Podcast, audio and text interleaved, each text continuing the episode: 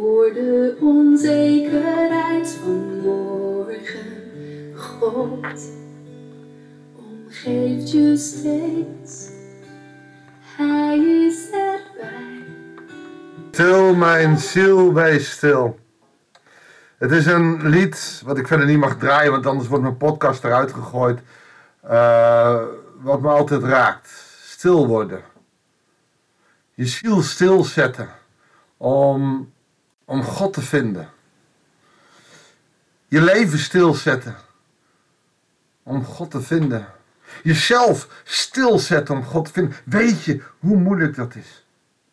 En juist vandaag. Psalm 131. Wil ik met je lezen, staat op het rooster. Voordat we verder gaan met 1 Koningen. Stil. Stil. Die stilte mag je opzoeken voor je ziel. Goeiedag, hartelijk welkom bij een nieuwe uitzending van het Bijbels Dagboek. Een pelgrimslied van David, Psalm 131. Heer, niet trots is mijn hart, niet hoogmoedig mijn blik. Ik zoek niet wat te groot is voor mij en te hoog gegrepen voor mij. Twee keer staat er, nee, drie keer staat er het woordje niet. Psalm 1 begint daar ook mee. Op wat je niet moet doen. En hier staat een soort van beleidenis. Ik wil niet dat mijn hart trots is. Niet hoogmoedig mijn blik. Wat is er mis aan trots? Trots gaat helaas altijd ten koste van een ander. Klein voorbeeldje. Twee moeders zitten op de bank, allebei hun kinderen zitten op hun billen. En een van tweeën trekt zich op en loopt langs het tafeltje. De ander blijft zitten, want die kan het nog niet. Oh, ik ben zo trots op mijn kind, kijk hem eens lopen. Maar de andere kan dat nog niet. Trots gaat heel vaak ten koste van een ander. Natuurlijk ben ik trots op mijn kinderen. Nee, ik ben blij met mijn kinderen. Want als ik trots zou zijn op mijn kinderen, gaat dat gepaard met het feit dat andere kinderen niet kunnen of iets niet zijn. Niet trots is mijn hart. Trots zegt ook iets over iets wat jij hebt gedaan. Ik ben trots op wat ik heb gedaan, op mijn werk, op mijn. David zegt: Ik wil niet trots zijn. Ik zal blij zijn met wat ik allemaal heb en krijg, maar niet trots. Want je trots geeft net de verkeerde richting aan. En niet hoogmoedig mijn blik. Ik wil niet uit de hoogte kijken. Ik mag dan koning zijn of ik mag dan de belofte zijn van een nieuwe koning straks. Het ligt er een beetje aan in welke tijd deze psalm gedateerd wordt. Het maakt niet uit. Niet hoogmoedig mijn blik. Kijk eens, dit heb ik gedaan, dit heb ik bereikt. Kijk eens hoe goed christen ik ben. En ik geloof echt oprecht, ik ben er elke dag mee bezig. Maar ook, ik, ik zoek niet wat te groot is voor mij. En wat te hoog gegrepen is. Ja, en, dat zouden we moeten beleiden. Want te vaak is ons hart trots. Maar onze blik kan als christen ook te hoogmoedig zijn. Maar wat zoeken we soms te groot? We geven onszelf de taak op en vinden het soms zo zwaar, maar we moeten het doen. We doen het voor de Heer, terwijl Hij het niet van ons vraagt. We moeten niet zoeken wat te groot is voor ons en wat hoog gegrepen is. Dit pelgrimslied laat zien op weg naar Jeruzalem om afhankelijk te zijn van God en je eigen ik af te doen. Vers 2 gaat door. Nee, ik ben stil geworden. Ik heb mijn ziel tot rust gebracht. Als je dit pelgrimslied zingt, dat je even langs de kant van de weg gaat zitten. Ik ben stil geworden. Ik heb mijn ziel, mijn identiteit tot rust gebracht. Weet je dat ik dat een van de moeilijkste dingen vind in mijn geloof, om stil te worden? Ik ben zo'n ADHD'er en, en mijn kop wordt nooit stil. En toch, Het mooie vind ik wel als ik een podcast maak en, ik kijk zo naar het scherm, ik kijk zo naar de tekst. Ik hoor God spreken en dit is mijn stille tijd. Mijn ziel is tot rust gebracht, mijn agenda doet het even niet. Ik hoef nu even niks. Ik sta stil bij de Bijbel. Ik, ik heb mijzelf tot stilte gemaand. Oftewel, in mijn agenda heb ik nu rust. Geen afspraken, geen verplichtingen. Ik zit achter mijn computer, de Bijbel op mijn scherm geopend.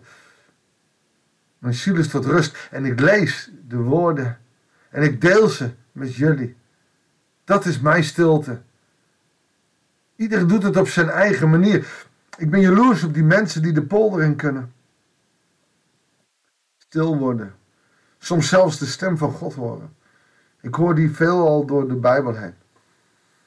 Of door mijn gedachten heen. Nee, ik ben stil geworden. Ik heb mijn ziel tot rust gebracht. Als een kind de borst ontwendt, stil op de arm van mijn moeder. Zo is mijn ziel in mij. Wat een prachtig mooi beeld. Een, een kind wat gevoed is, op de arm van zijn moeder ligt tevreden. In alle rust. Heb je wel eens een baby tevreden bij een moeder gezien? Ik mocht laatst op kraamvisite. Wil je me even vasthouden? Natuurlijk wil ik dat. Als vader van een paar kinderen en als opa. Maar hij huilt heel veel. Een paar minuten later lag hij te slapen in mijn armen. Tevreden. In alle stilte. En deze metafoor gebruikt David om, om te laten zien dat hij stil wordt. Dat hij, dat hij wil zijn als een kind bij de moeder op schoot. Stil, mijn ziel, wees stil. En een moeder zegt dat ook tegen zich. Stil maar. Alles komt goed. De stem van een moeder kan een kind tot bedaren helpen. De stem van God kan, kan jou, kan jouw ziel tot bedaren helpen. Zo stil is mijn ziel in mij. Je wil zoeken naar hoe jouw ziel stil wordt in jou. Kijk dan naar je agenda. Maak een paar uur leeg. Geen verplichtingen. Geen zorgen, geen afspraken. En pak een ruimte. Of je gaat op een stille kamer zitten, of je gaat de polder in als het droog is, of je gaat, maar wees alleen. En ervaar dat je dicht tegen de vader bent, aan zijn voeten zit, de stilte zoekt. Laat je ziel tot rust komen. En als je dan stil bent, luister dan naar de podcast of, of lees de Bijbel. Want in die stilte komt het nog dichter op je af. En vanuit die stilte kan je God ontmoeten.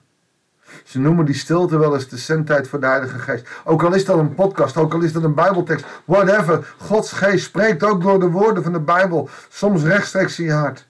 Maar dan moet de trots en de hoogmoed uit je lijf. Dan moet je niet te zoeken wat er hoog is, maar dan moet je tijd hebben en tijd kunnen nemen om stil te worden bij God. Vanuit die stilte en vanuit de rust van zijn ziel, zegt hij vers 3. Israël, hoop op de Heer van nu tot in de eeuwigheid. En dat kan je alleen maar zeggen als je Hem gevonden hebt in de stilte. Een korte psalm, drie versen. Psalm waar heel veel in zit.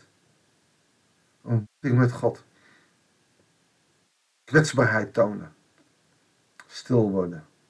Afhankelijkheid. Mag ik met je bidden? Trouwe God de Vader, ik bid u.